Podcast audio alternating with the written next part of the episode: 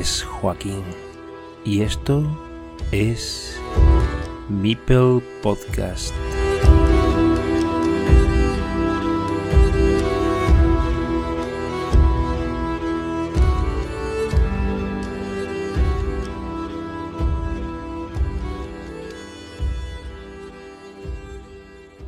Hola de nuevo y bienvenidos. Si hace un par de semanas disfrutábamos de Meeple Podcast de la voz de Miriam, la campeona del grupo azul de la Liga Carcassonne Spain, en esta ocasión vamos a hacer lo propio con Alejandro Estrade, paisano de quien les habla y campeón del grupo rojo de la Liga Carcassonne Spain. Hola Alejandro, ¿qué tal? Hola Joaquín, ¿cómo estamos? Bien. A ver, vamos a hacer un poco de etimología. El Nick Alesiv, me imagino que Al viene de Alejandro y sabiendo tu apellido es de Estrade, ¿puede andar por ahí? Cuéntanos. Pues sí, puede. Has acertado, sí. No ha sido muy difícil. Y el, y el IV, el IV viene de Ibison, que es mi, mi segundo apellido. Ajá. Viene de. Entonces tienes. eh, eh, en este caso, supongo que será tu, mam- tu mamá, será eh, un- con un apellido extranjero. Sí, bueno, lo- lo- los dos son extranjeros. Estrade es francés y Ibison es inglés. Ajá. Aunque Bien. mi papá de francés, bueno, chapurreo, pero vamos, que, que no soy bilingüe, vamos. O sea, eh, vamos, lejanos, parientes lejanos. Si te digo vous parlez français, sí, sí, vale, un poquito, ¿no? Eso sí, eso sí, eso se entiende. Bien, a ver, eh, Carcassonne BGA, comienzos de Alejandro en el juego, en el juego de Carcassonne y en la plataforma online. Cuéntanos. Pues la verdad es que no me acuerdo cuándo, cuándo fue. No sé si hace dos años o algo así, o no, no lo recuerdo, porque la verdad es que la pandemia ha hecho en nosotros una, un borrón ahí, un lapsus en la mente, ¿no? Pero fue un poco a, raíz de, de- de descubrir el, el juego de mesa, que lo compré para jugar con los niños y, posteriormente, como vi que tenía su gracia, eh, busqué por internet a ver qué, pues digo, seguramente habrá por internet una plataforma o estará el juego, ¿no? Como, como un montón de ellos que hay, ¿no? Y efectivamente pues encontré este, ¿no? Y, y me metí, bueno, y, y empecé a jugar. Pero la verdad es que no me, no me acuerdo cuándo, cuándo fue, en dos años, tres años, algo así. Bueno, sí, pero lo ubicamos en el tiempo, no hace 15, por ejemplo. No, Sí, no, bueno. Eso es. Eh, he estado viendo tu perfil y bueno, yo sé que tenías más elo. y De, de hecho, hay mucha gente que no se fija en el elo porque piensan que el elo no es una manera de, medir muy bien el, el elo de BGA, ¿eh? No es una manera de medir muy bien el, el nivel. Yo creo que sí, que más o menos se le, se le asemeja al elo del ajedrez, pero bueno, tiene un parecido. De todas maneras, no es lo mismo encontrarte con un rival de 100 que de 300 o que de 700. Eh, ya con eso se intuye un poco el nivel. He visto que últimamente tienes en torno a los 350, pero parece que la opinión de todo el mundo dentro de, de la comunidad de Carcassonne Spain, de todos estos que, los que han tenido la oportunidad de participar contigo, te catalogan como un rival duro. Sí, bueno, eh, a ver, he llegado a tener qui- 500, eh, 500 y pico, eh, 550 o 560, creo recordar, o incluso más. Pero bueno, esto y viene, hay, hay, hay rachas.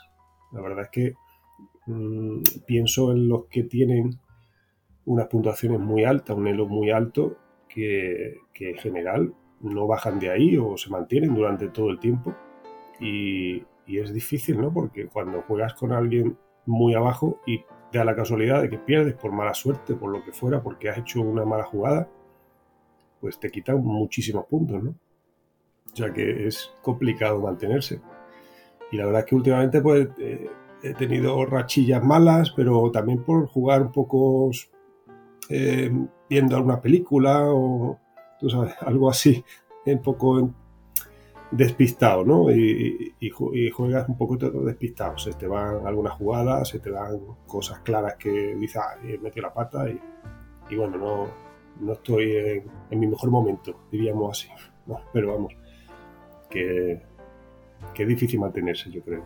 Me acuerdo de la entrevista de Vic, de, Víctor, eh, un chico que acababa de entrar a la comunidad. Eh, Porque eh, a colación de lo que acabas de comentar, de que, bueno, algunas veces echas alguna partida por echar el rato, este chico en realidad de Valencia lo que en realidad decía era que él como no se vea en el momento de hacer un movimiento porque juega muchas partidas a turnos pues que cierra el móvil o el ordenador y hasta otro día o hasta otro momento o hasta otra hora es decir son puntos diferentes. Yo, a mí me pasa lo mismo que a ti. Yo he hecho una partida de ajedrez o de Carcassonne a veces, pues por echar el rato. Y no estoy en mi mejor momento de lucidez, pero no me importa perder. Se trata de echar un ratillo y, de, y fogar ahí con el juego.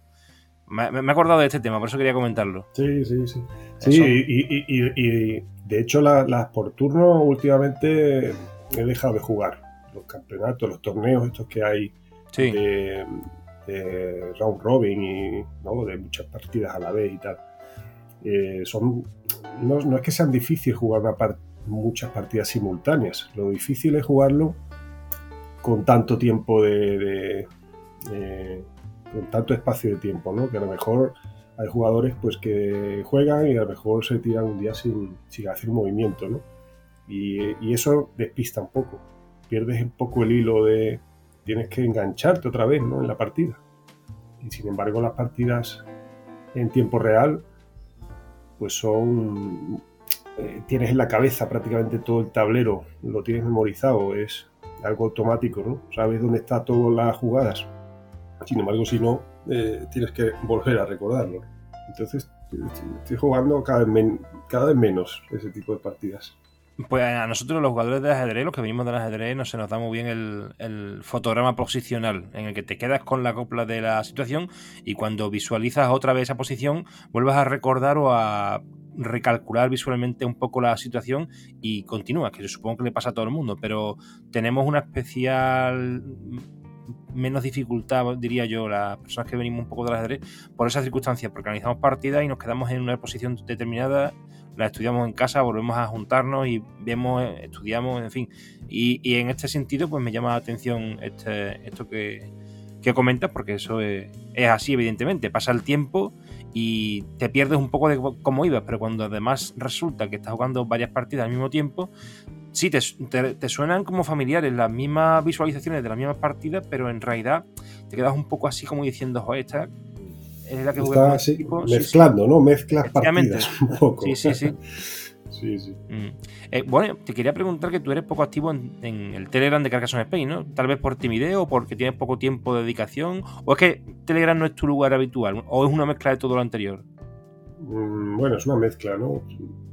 Telegram al final me metí por, eh, por esto, ¿no? Por la liga que no me acuerdo quién fue el que, no sé si fuiste tú o, que, o alguien fue el que me invitó o me la dio a conocer a través del chat del propio, de la propia plataforma BGA y entonces entré, ¿no? Y ya comentabas que había que hacerse, había que darse al en, en la plataforma y bueno, por eso, si no, no la había usado.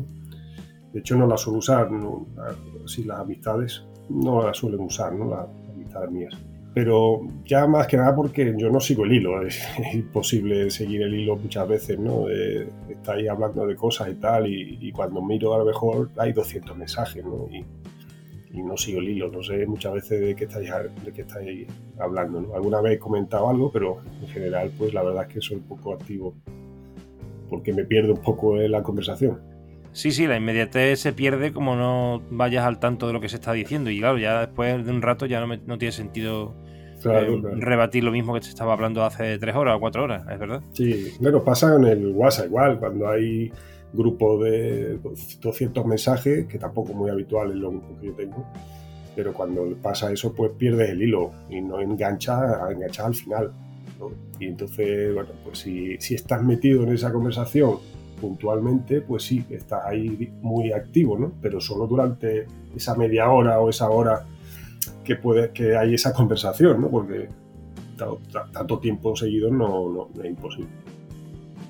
Recuerdo que cuando felicitamos a Miriam, a Carquiñolis, eh, del Grupo Azul, que había ganado la liga, que todavía le quedaba una jornada para finalizar.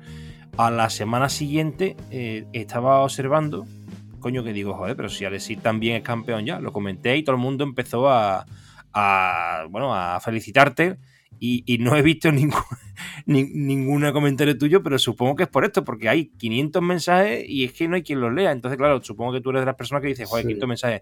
Pues ya está, pues no lo veo, porque es que, ¿cómo voy a poner yo al día con estos mensajes? Pues, pues la verdad que sí, los, eh, eh, pido disculpas a todo el mundo que ahí vaya felicitado.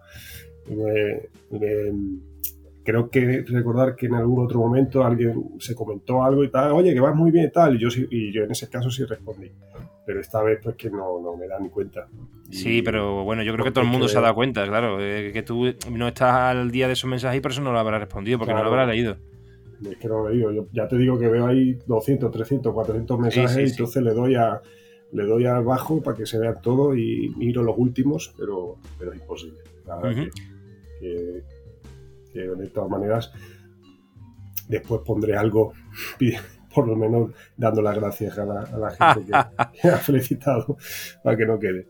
Muy bien. Oye, eh, ¿cómo, ¿cómo ves la selección? ¿Cómo ves a tus compañeros de Carcassonne Spain que participan en la selección? ¿Y te gustaría participar a ti algún día, conseguir una plaza para jugar en el combinado nacional? Pues no lo sé, la verdad, porque ya te digo, yo no sé, yo me, vamos, me apunté a esto a para, para jugar un poco eh, a ratos, ¿no? Y, y en los momentos que uno puede, porque no, no siempre se encuentra una hora o disponible para poder jugar. Y, bueno, no sé, eh, depende un poco cómo sean esos, torneos y esas, eh, qué tiempo te requieren, ¿no? Porque me tengo que pelear con mis hijos y con mi mujer para, para buscar para buscar para esto y para, y para otras cosas, ¿no? Porque hay muchas muchas cosas que se hacen aparte, aparte de todo esto y, y, buscar hueco para esto también, pues es complicado, ¿no? Pero vamos, no, no descarto que, que si que hay que echar una mano en algún torneo de estos, de selecciones y tal, pues si doy la talla, pues bueno, no, no lo descarto. Todos andará. Bueno, sí. Vamos a hablar de la Liga Carcassonne Spain, pero antes de nada, ¿te acuerdas de aquel acceso hasta el 9 de marzo en el que había que luchar en arena y ni yo, ni Miguel Jornet, ni Calquiñolis, que es Miriam, ni tú tampoco, Alejandro, ninguno pudimos alcanzar la Liga Eltia a pesar de que estuvimos ahí. Lo que pasa es que esa noche de infarto del 8 al 9 fue mortal. Hubo, como he repetido varias veces, nocturnidad y alevosía. fue divertido, la verdad que fue divertido. ¿Cómo, lo recuerda? ¿Cómo lo recuerda?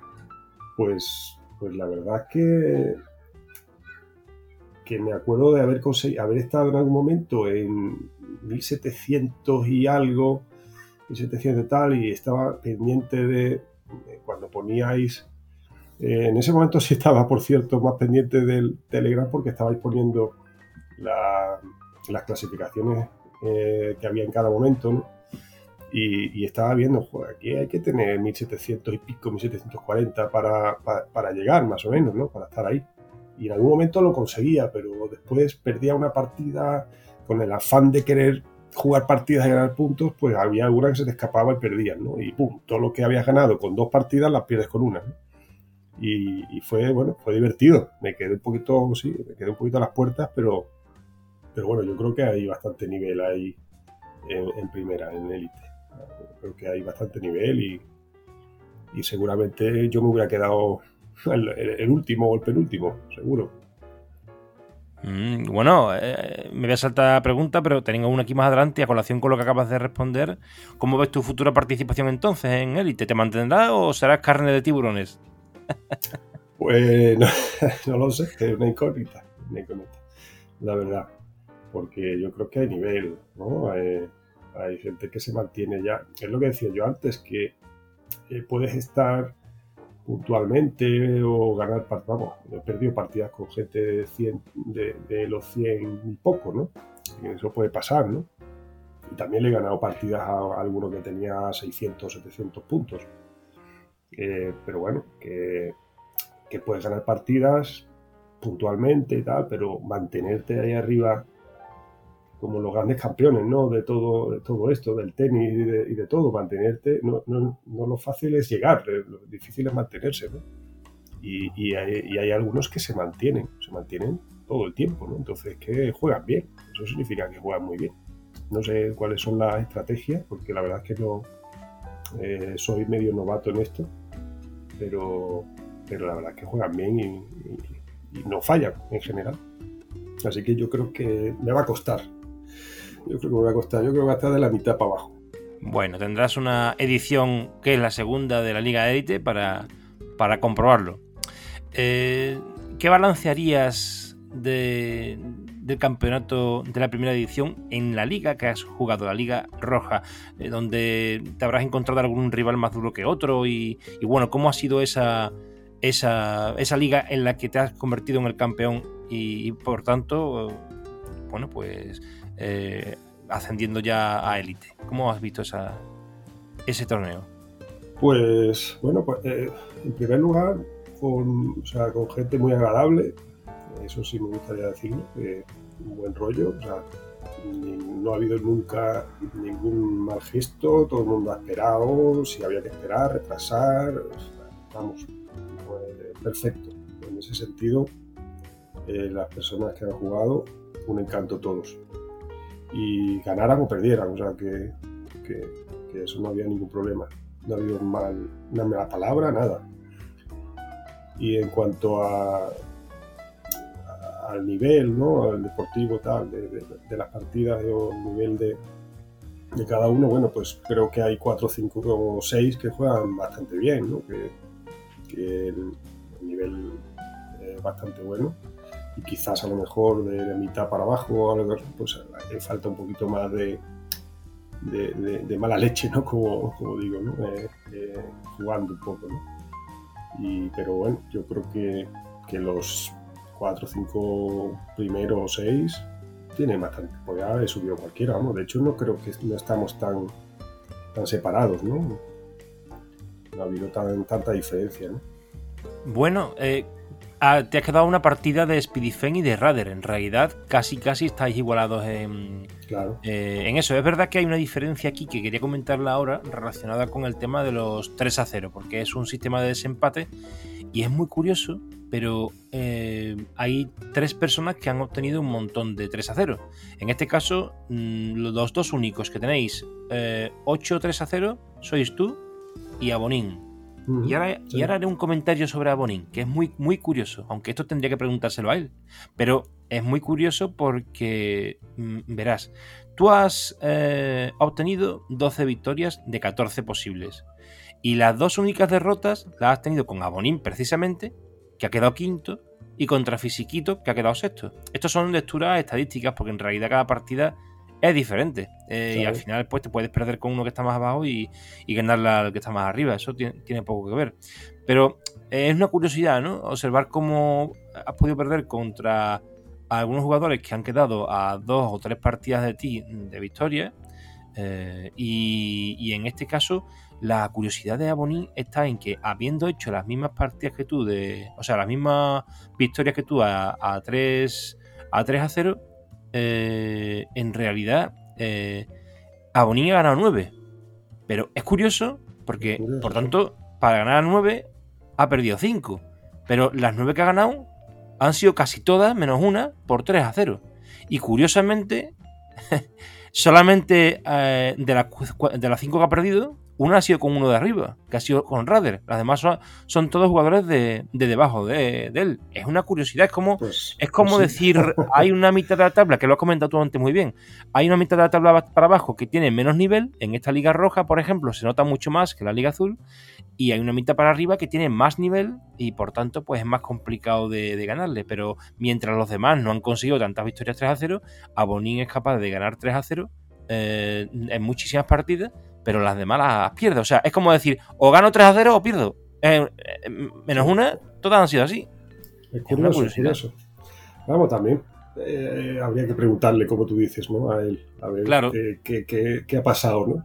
Pero, pero se me ocurre que a mí me ha pasado en alguna partida, de hecho, una de las que perdí al principio fue porque jugué dos seguidas, porque me, fui de viaje, fue de Semana Santa, creo que fue, y me iba de viaje y tal, entonces, pues junté, eh, era complicado encontrar disponibilidad, ¿no? Em, y entonces junté dos seguidas, ¿no? Una a una hora y otra a la siguiente, ¿no? Y la siguiente fue la, la primera la gané y la siguiente la perdí. Estaba un poco yo despistado, estaba entre que venía un estaba un poquito eh, despistado. No quiere decir que me ganara, me ganó con toda, vamos, perfectamente, porque jugó mucho mejor que yo.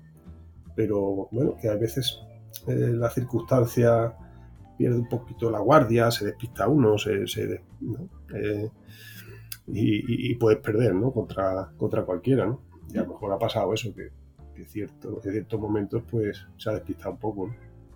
Sí, ese, tuvo que ser con fisiquito, porque fue en abril y más o menos cayó la Semana Santa por ahí. sí, creo, que, fue esa, creo que fue esa, sí. Sí.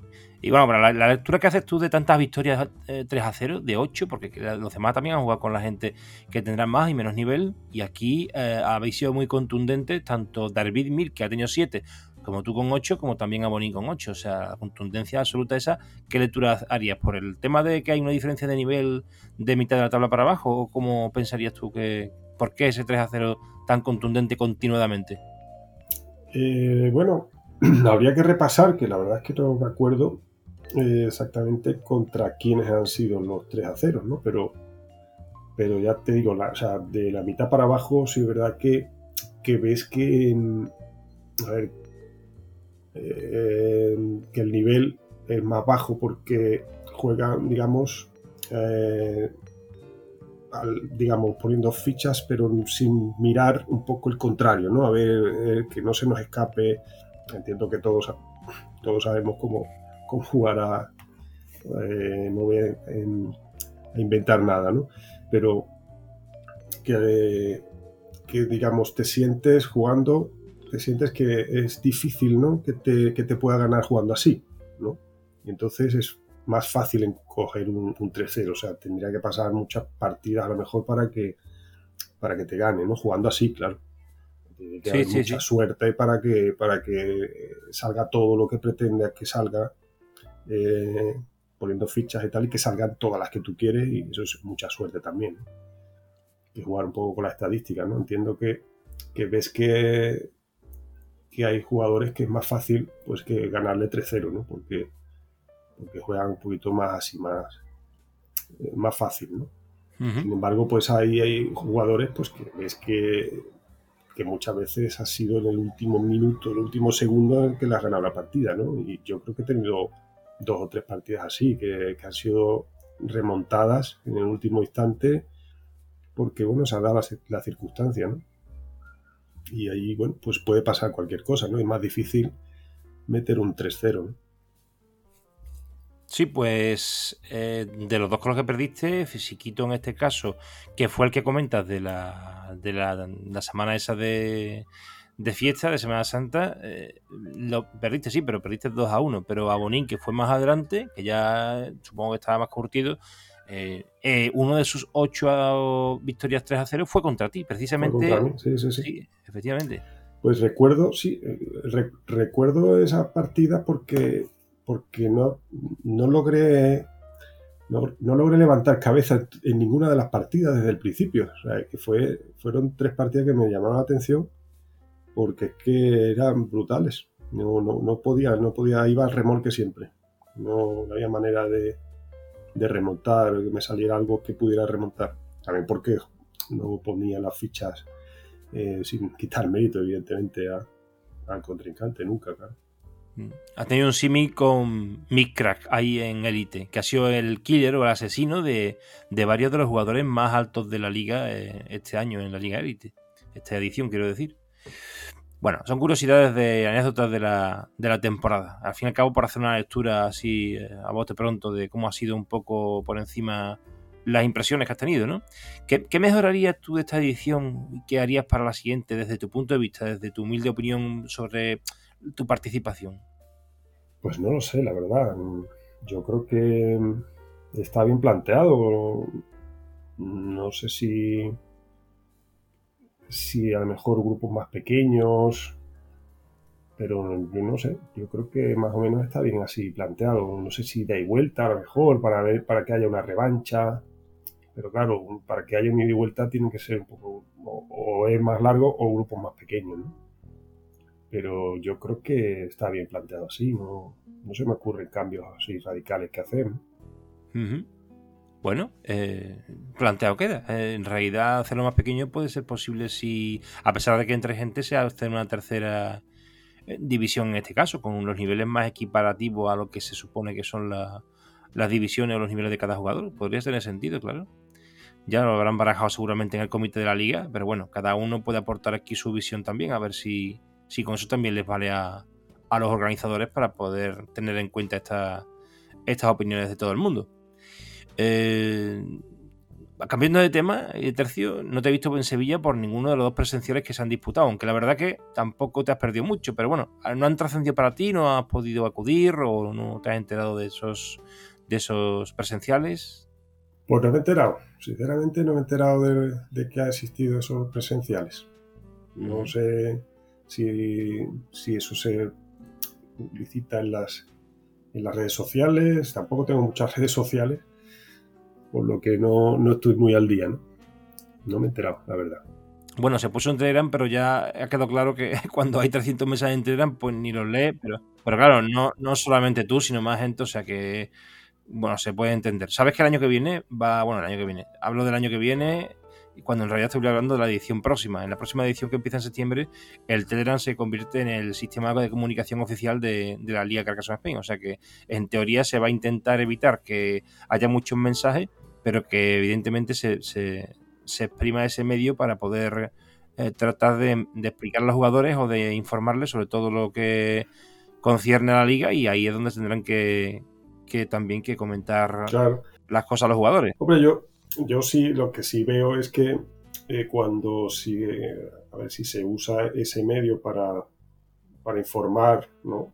tanto de reglas como de novedades, como de torneos, cosas importantes, eh, bueno, están los las chichetas, ¿no? Como se, como se llame, lo de fijar, ¿no? Los, los mensajes, ¿no? Pero, pero bueno, cuando mezclas eh, comentarios y, y, bueno, está ahí muchas veces de risas y, tal, que es normal, pues ahí se mezclan ya muchas cosas y se pierde se pierden mensajes. Pero si a lo mejor hay uno más oficial en el cual se, se cuenta simplemente pues detalles que importantes que, que nos enteremos y después otro pues para charlar y para decir cosas, ¿no?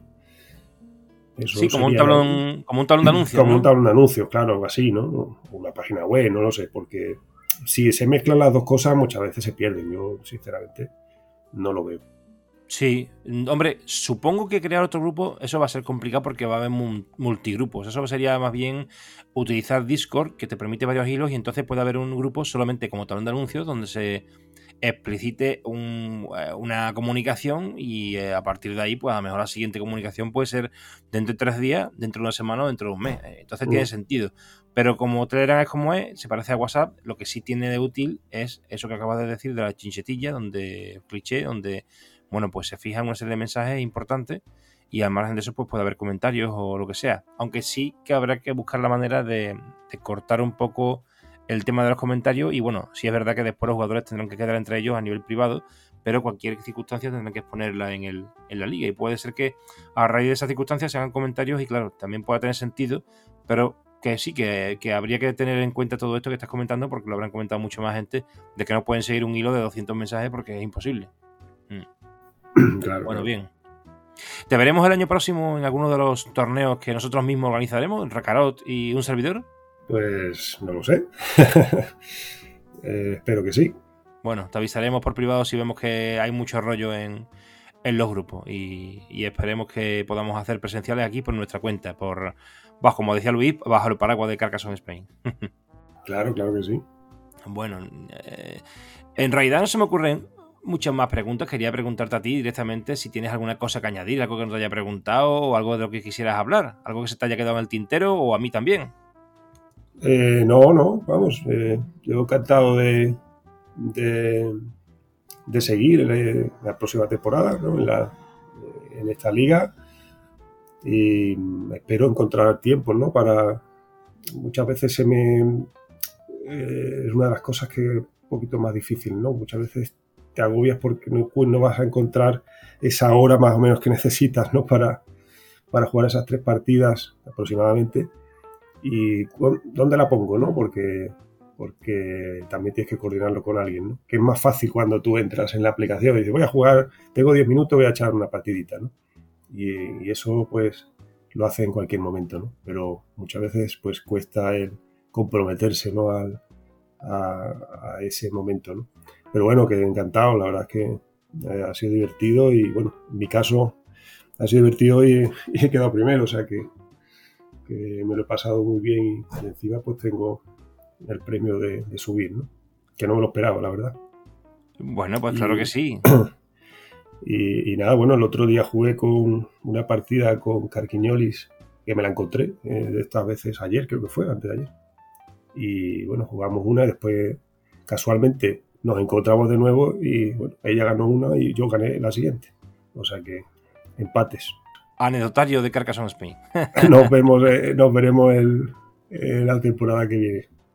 Eh, ¿Quieres alguna pregunta que hacerle al, presentador? Porque últimamente, siguiendo con la estructura de preguntas de Mipel Podcast, le doy la oportunidad a los entrevistados también de hacerle una pregunta al, a su interlocutor. Pues bueno, no sé, te preguntaría qué qué tal para el año que viene, qué expectativas tienes de, de, subir ¿no? a élite. Concretamente de subir a élite. Pues bueno, todas, porque yo por divertirme que no quede. Y la verdad es que me gustaría estar en élite. Pero no, no tengo una locura por, por estar. La verdad que tampoco me exprimí aquel 8 o 9 de marzo, donde intenté echar unas partidas para ponerme ahí arriba y lo conseguí a media.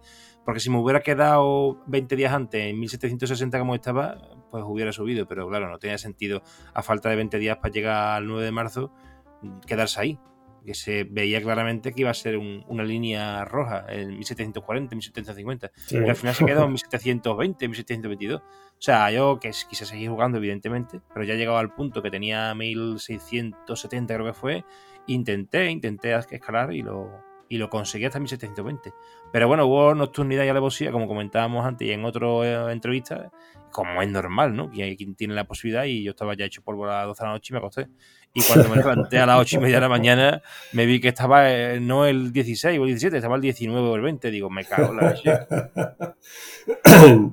La verdad que fue, ya, te, digo, te he dicho antes, que fue divertido, porque bueno, hay una presión hasta es una hora y todo el mundo jugando y, y fue divertido, la verdad, esa clasificación. Como, como las, las últimas rondas, los últimos minutos en Fórmula 1, que es cuando dan, meten toda la carne en el asador, pues, pues más o menos igual.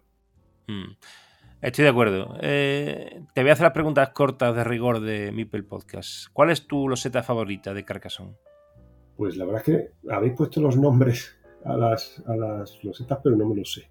Eh, bueno, descríbela, descríbela. Te diría que una de ellas es la, la, la, que tiene la recta y la... que solo hay cuatro y... ¿Sabes cuál te digo? la recta y un trozo de ciudad arriba. una tapa, le dicen tapa eso. Una tapa, ¿no? Sí, tapa y... bueno, la, pieza de inicio, ¿no? La pieza de inicio, correcto, la pieza de inicio. Sí, la pieza de inicio. ¿Te gusta esa, no? Esa, esa. Me gusta, o sea, es, es, es que es la, la pieza muchas veces clave, ¿no? Porque es la más fácil de bloquear y la más fácil de... La que muchas veces en muchas partidas se van, se van las cuatro, la, lo antes posible, ya como te, te bloqueen con una de esas, ya la fastidiaste, ¿no? Mm. Siempre está en mi mente esa pieza. Sí, sí, sí, sí. Los bloqueos relativos, o sea, mm, va en relación a si han salido o no han salido. Y entonces si, si haces una, un hueco que se cubriría con esa loseta, pero que ya han salido, pues claro, te acaban de bloquear el hueco. O el mipel atrapado, en fin, claro. Sí, es que es, es que es la, es una de las piezas, de las rosetas que, que, no tiene, o sea, a ver si me explico. Eh, la mayoría de las piezas puedes, o sea, el hueco te vale rellenarla con varios tipos de losetas, pero esta, como te la pongan bloqueada, semi bloqueada, como dice, o bloqueo relativo, solo, solo exclusivamente puedes poner esa, y eso es lo bonito que tiene esta. Sí, sí. Bueno, yo llamo bloqueo relativo a que, al hecho de que generar un hueco incompletable, pero porque ya han salido las losetas que lo completaban. Al otro, al otro lo llama bloqueo puro, o sea, una, un hueco que es imposible de rellenar porque no existe la loseta que lo rellena. Eh, pero bueno, eh, en relación a eso que, eh, que comentas, la realidad es que siempre se va buscando en el bloqueo esa situación. Una ciudad, un camino y un campo. Entonces, la única manera de cerrarlo es con esa, con la pieza de inicio. Entonces, claro, busca ahora rodear ese hueco con otra pieza que genere una, un, hueco mm, que no existe. En este caso, pues otra, otra ciudad, porque dos ciudades, un camino y una, un campo no, no, se pueden, no se pueden completar, o dos campos, un camino y una ciudad no se pueden completar, y es lo que a lo que llamaba bloqueo puro. O sea, esa es la loseta, o sea, la posición que solamente cubre esa loseta, la pieza de inicio, que es lo que tú comentabas, que se busca en el bloqueo directamente. porque, porque, como tú bien decías, hay situaciones en las que faltando una loseta por rodear el hueco completo, siempre hay dos piezas que te pueden dar la, la, ubicación. puede ser un dorito con camino o, una tapa con un camino hacia el, hacia, hacia el lado que corresponde. Pero si le meten la. Si tienes camino y ciudad y en el lado contrario una, un campo, la única que lo cubre es la, pieza de inicio, efectivamente. Exactamente. Buena lectura, buena lectura. Me ha gustado esa, esa, esa aplicación. Aunque me, he enrollado, aunque me he enrollado yo más que tú. me dice Oscar que me meto en muchos jardines y después no sé, salir de ellos. Bueno, la verdad, es que, la verdad es que sí, porque algunas veces salgo por petenera y cambio de tema rápidamente. Bueno, está bien, está bien. Bueno, expansión favorita. Pues la verdad es que no, no, ya no juego expansiones, pero por decirte una expansión, eh, la de los... Es que ya no me acuerdo cómo se llama, porque es que no juego ya. La de los castillos, ¿cómo se llaman? Mercaderes, ¿no? Eh, ¿Comerciantes y constructores? Comerciantes y constructores, puede ser, ¿no? La de los tokens de tela, trigo y vino. Sí, sí. Esa, que, tiene también el, cerdito. Sí, pero ya te digo que no, ya no, no juego. Las tengo, las compré incluso para jugar con los niños, pero he comprado dos o tres expansiones, pero la verdad es que ya no juego. Porque el, clásico es, es como un ajedrez, ¿no? Es, más simple y, y, a la vez pues, complicado, ¿no? complejo. Bueno, me gusta que haya dicho que se parece al ajedrez, aunque en realidad el ajedrez no tiene expansiones. No, por eso, es básico, es el básico, ¿no? claro, claro. Han inventado ajedrez de, cuatro y de cosas de estas raras, ¿no? Pero esas cosas no, no tienen, no, al final el que triunfa es el, básico.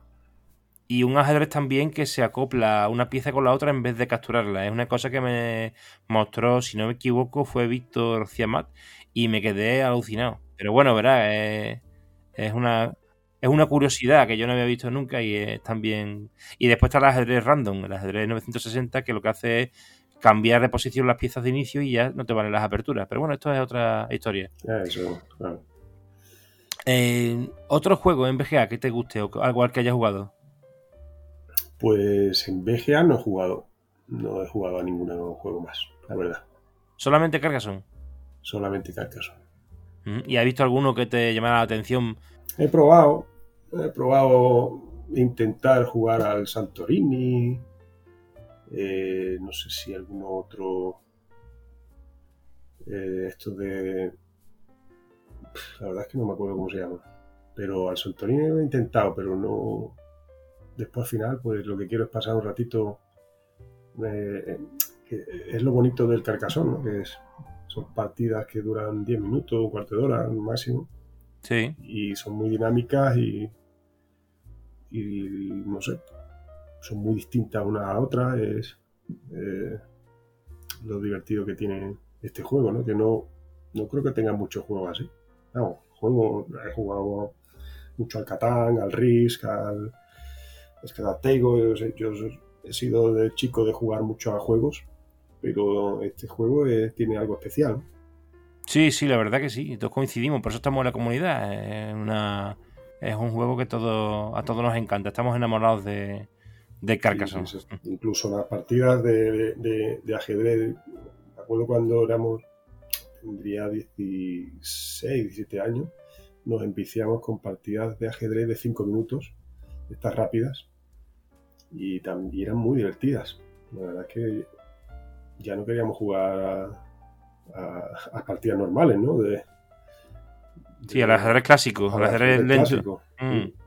A mí me gustan las partidas rápidas, pero sobre todo las partidas blitz, las partidas eh, relámpago, que le llaman, a partir de 5 minutos hacia abajo, esas me encantan. Lo que pasa es que no soy capaz de jugar las partidas bullet de un minuto, eso no, no soy capaz, pero partidas de 5 minutos. Eso ya mucho, ¿no? Pero 5 minutos para cada uno, ¿no? 5 minutos para cada uno. Sí, sí. A esa hemos jugado muchísimo. Y, con incremento, y con incremento. Yo las que juego actualmente son de 3 minutos con 2 segundos de incremento. Eso me, me pirran, me encantan. Claro, claro. Es que, eso, que, es lo bonito. Vamos, siempre me ha gustado jugar también partidas de, de la clásica, ¿no? que muchos amigos dicen, yo es que es imposible jugar al ajedrez porque no tengo paciencia y pues, yo me puedo tirar lo que tú quieras delante de un tablero pensando, ¿no? Pero bueno, que estos juegos tienen esa parte dinámica que, corre el tiempo y que, y que tampoco es tan complejo, ¿no? Porque el ajedrez tiene una complejidad mucho más grande, ¿no? El, el carcasón eh, al final, pues, hombre, si el tablero está ya muy lleno de losetas, pues tiene más posibilidades, pero tampoco tiene muchas posibilidades de poner. Entonces, al final, eh, es más dinámico y más rápido. Bueno, el, el, el Carcassonne al inicio, el árbol combinatorio es más amplio que el del ajedrez al comienzo. Es curioso, ¿eh? Pero en realidad la complejidad del ajedrez va más allá y la simplicidad del Carcassonne creo que atrae mucho. Y esa pizca de suerte que se le añade esa parte de varianza tiene su, su, atractivo, porque en realidad permite que los jugadores que se están iniciando puedan tener alguna, alguna cosa a la que aferrarse para ganarle a un jugador de más nivel, cosa que en ajedrez no sucede. Claro, claro, claro. Pasa con el póker también. Eh, eh, sí, claro, exactamente. Pero bueno, es eh, lo que decía yo antes, que hay juegos como este, como el póker que tú dices, ¿no? como ciertos juegos que, influye la suerte, ¿no? Eh, pero que jugando, juegas con una persona que, no, ha, avanzado en la forma de pensar, ¿no? no ha avanzado en su estrategia, en, no le ha visto las vueltas a esto, ¿no? Simplemente, o el dominó, ¿no? Que pone una ficha porque la pone, ¿no? Oye, hay un 6, pues yo pongo un 6. Y tú a, esa gente lo le va a ganar siempre, por mucha suerte que sea. sí, sí, sí, al dominó he jugado yo mucho y como y el dominó es suerte, si te tocan las fichas es suerte, pero eh, es imposible ganarle a una pareja que sabe jugar muy bien, es imposible. Por mucha suerte que sean las fichas que te toquen, pero al final te gana. Y, es, y en el carcasón, una persona que juega y tiene la estrategia bien depurada contra uno que no tiene estrategia, que solo pone fichas, no va a ganarle nunca en la vida. Pienso yo, pienso yo que, es así, ¿no? Siempre, siempre hay un nivel, un peldaño más por encima de alguien contra otro. Y aunque el Elo, que ya lo se comentaba por parte incluso de la entrevista de Alexei, comentaba que el Elo simplemente es una forma de hacer entender que de partida ese jugador tiene un porcentaje más alto de capacidad de victoria que el otro, no significa que vaya a ganarle siempre.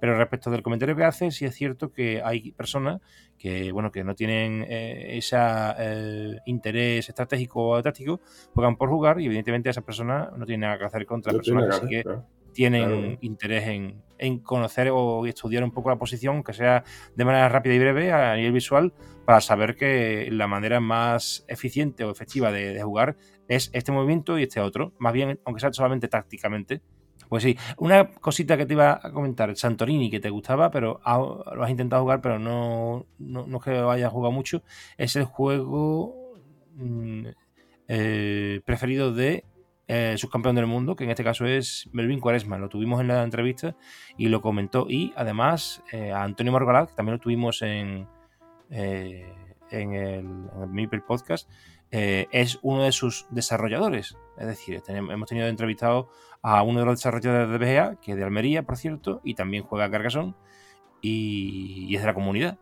Y bueno, eh, es solamente un comentario que hacía por... Sí, quizás sea... Eh, el problema muchas veces es pasar el umbral de... hay, un cierto umbral en todos los juegos que tienes que pasarlo para, para, para que te enganche, ¿no? Y, para ello, o sea, es el es umbral de aprendizaje, ¿no? Que tú tienes que aprender no solo a las reglas, ¿no? Eh, yo que también juego al MUS, como ves, juego muchos juegos, ¿no? Pero en yo siempre digo que el MUS es un juego sencillísimo de, aprender las reglas. Las reglas. Pero de jugar es muy difícil. Muy difícil porque tiene estrategias, tienes que ser pícaro, tienes que es mucho de, del momento, ¿no? no como a pensar un poquito más, ya has perdido. Pero las reglas son muy simples, ¿no? Y sin embargo hay otros juegos que las reglas son un poquito más complejas hasta que le coges ese tranquillo o el nivel de aprendizaje ya ha llegado a, un umbral en el cual ya te diviertes y le ves la estrategia, ¿no? ya, ya, ves qué estrategia puedes tú eh, tomar, qué puedes hacer, ya le ves la, gracia al juego. ¿no? Entonces ahí te engancha. Y yo quizás en el Santorini pues no he llegado a ese punto, porque he jugado muy poco, ¿no? he probado y tal y no le he visto cuál es la estrategia ¿no? que hay que seguir para, para avanzar. Sí, sí, tienes razón. Tienes razón, sí. Esa es la manera de que te enganches a un juego. En este caso, yo que vengo del ajedrez, lo que me encanta es la estrategia. Y este juego, nada más que empecé a jugar, me di cuenta de que la táctica era importante, sobre todo la estrategia, pero cuando pasas el umbral de los 200, 250 puntos, cuando te das cuenta, realmente, vamos, yo hablo por mí en este caso, pues a gente que se dé cuenta antes, pero eh, realmente te, percibes que aquí hay detrás un estudio, aunque sea mínimo.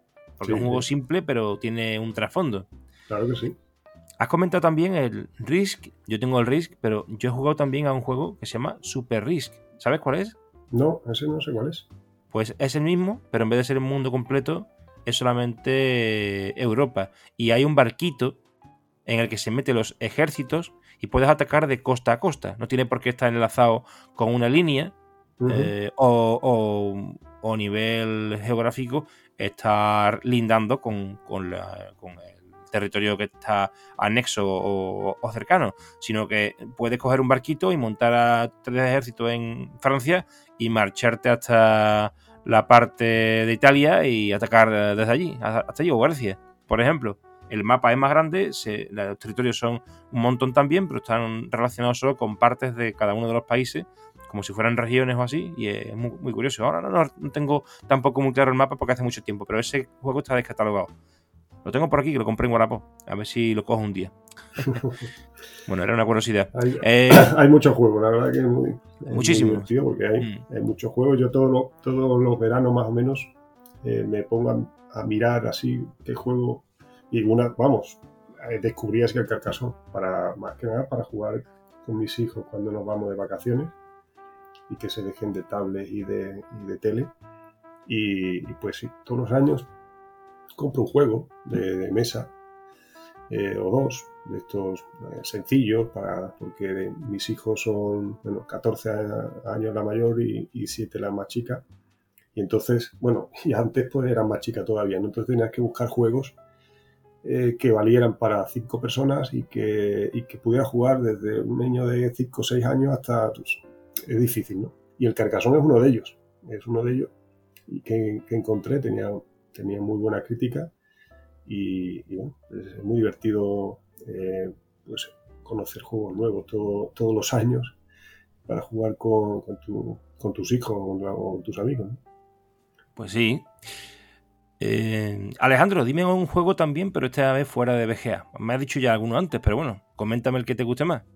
Fuera de BGA, bueno, pues el MUS, por ejemplo. El MUS.